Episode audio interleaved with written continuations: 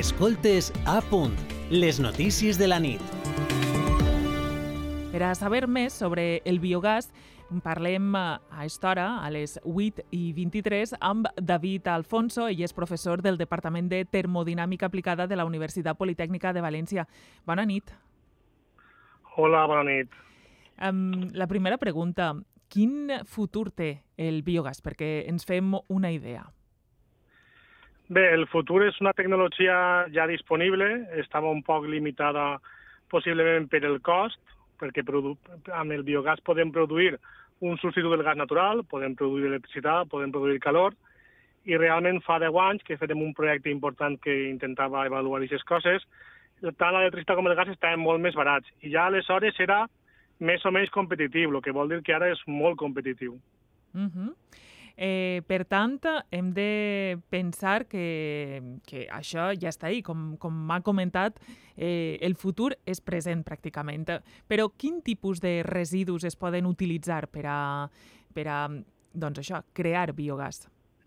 Bé, per al biogàs seria adequat els residus de ramaderia, tota aquella matèria orgànica que siga fàcilment degradable o fermentable, pot ser restes de, de menjar, de vegetal, de frutes, de verdures, pot ser car, peix, eh, residus de la indústria làctea, els fangs de depuradora, residus de la ramaderia, ja dit, el purí, el fem, la fracció orgànica del residu urbà i també altres restes d'aliments de restaurants, empreses de càtering.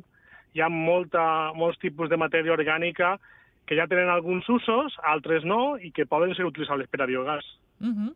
I és uh, fàcil la utilització d'aquest tipus d'energia en una extensa zona o s'ha de limitar a un radi, mm, podríem dir, reduït al voltant de la planta de producció?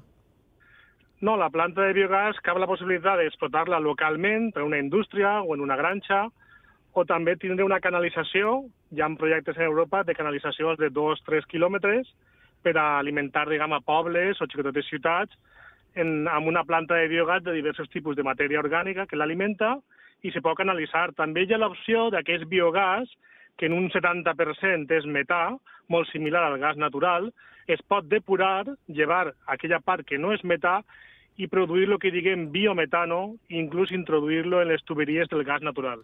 Ahà. I eh, podrien, en, en principi, a on poden estar ubicades aquestes eh, eh, doncs, aquestes plantes de biogàs? Bé, aquestes plantes de biogàs hauria de fer-se sempre un estudi d'impacte ambiental on s'ubiquen, més que res perquè estàs gestionant residus. Normalment aquest tipus de, de plantes de biogàs estan preparades per a evitar olors, però a la fi i la cap són residus el que estàs manejant i per tant és que, és que tindre una certa distància als nuclis de població per aquest motiu, per evitar, diguem, malestar de la població que pugui viure proper. Però no solen ser plantes molt problemàtiques, ja dic, hi ha molts projectes en Europa que en els països que no estan tan lluny de les poblacions. Uh -huh.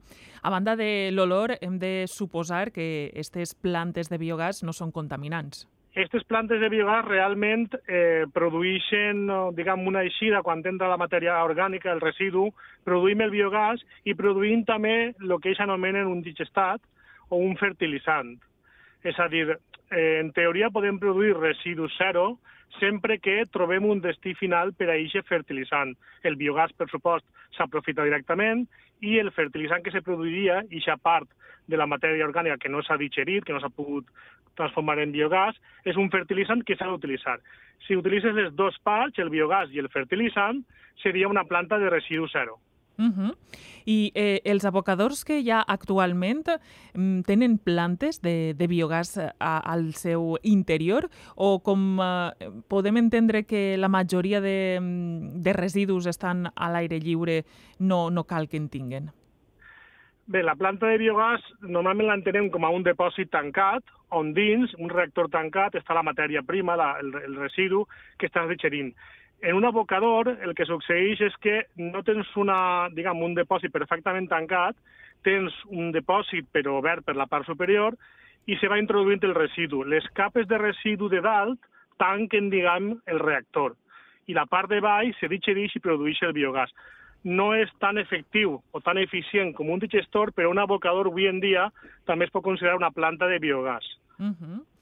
Doncs, eh, com eh, ha començat al principi, el biogàs ja és eh, un futur present, de segur que en alguna altra ocasió tenim eh, doncs, el plaer de, de poder eh, escoltar-lo explicant-nos totes aquestes coses tan interessants al voltant de, de biogàs o d'altres eh, matèries que també eh, puguen produir energia.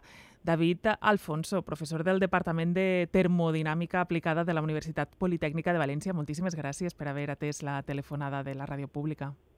Moltes gràcies a vosaltres i quan vulgueu. Molt bona nit.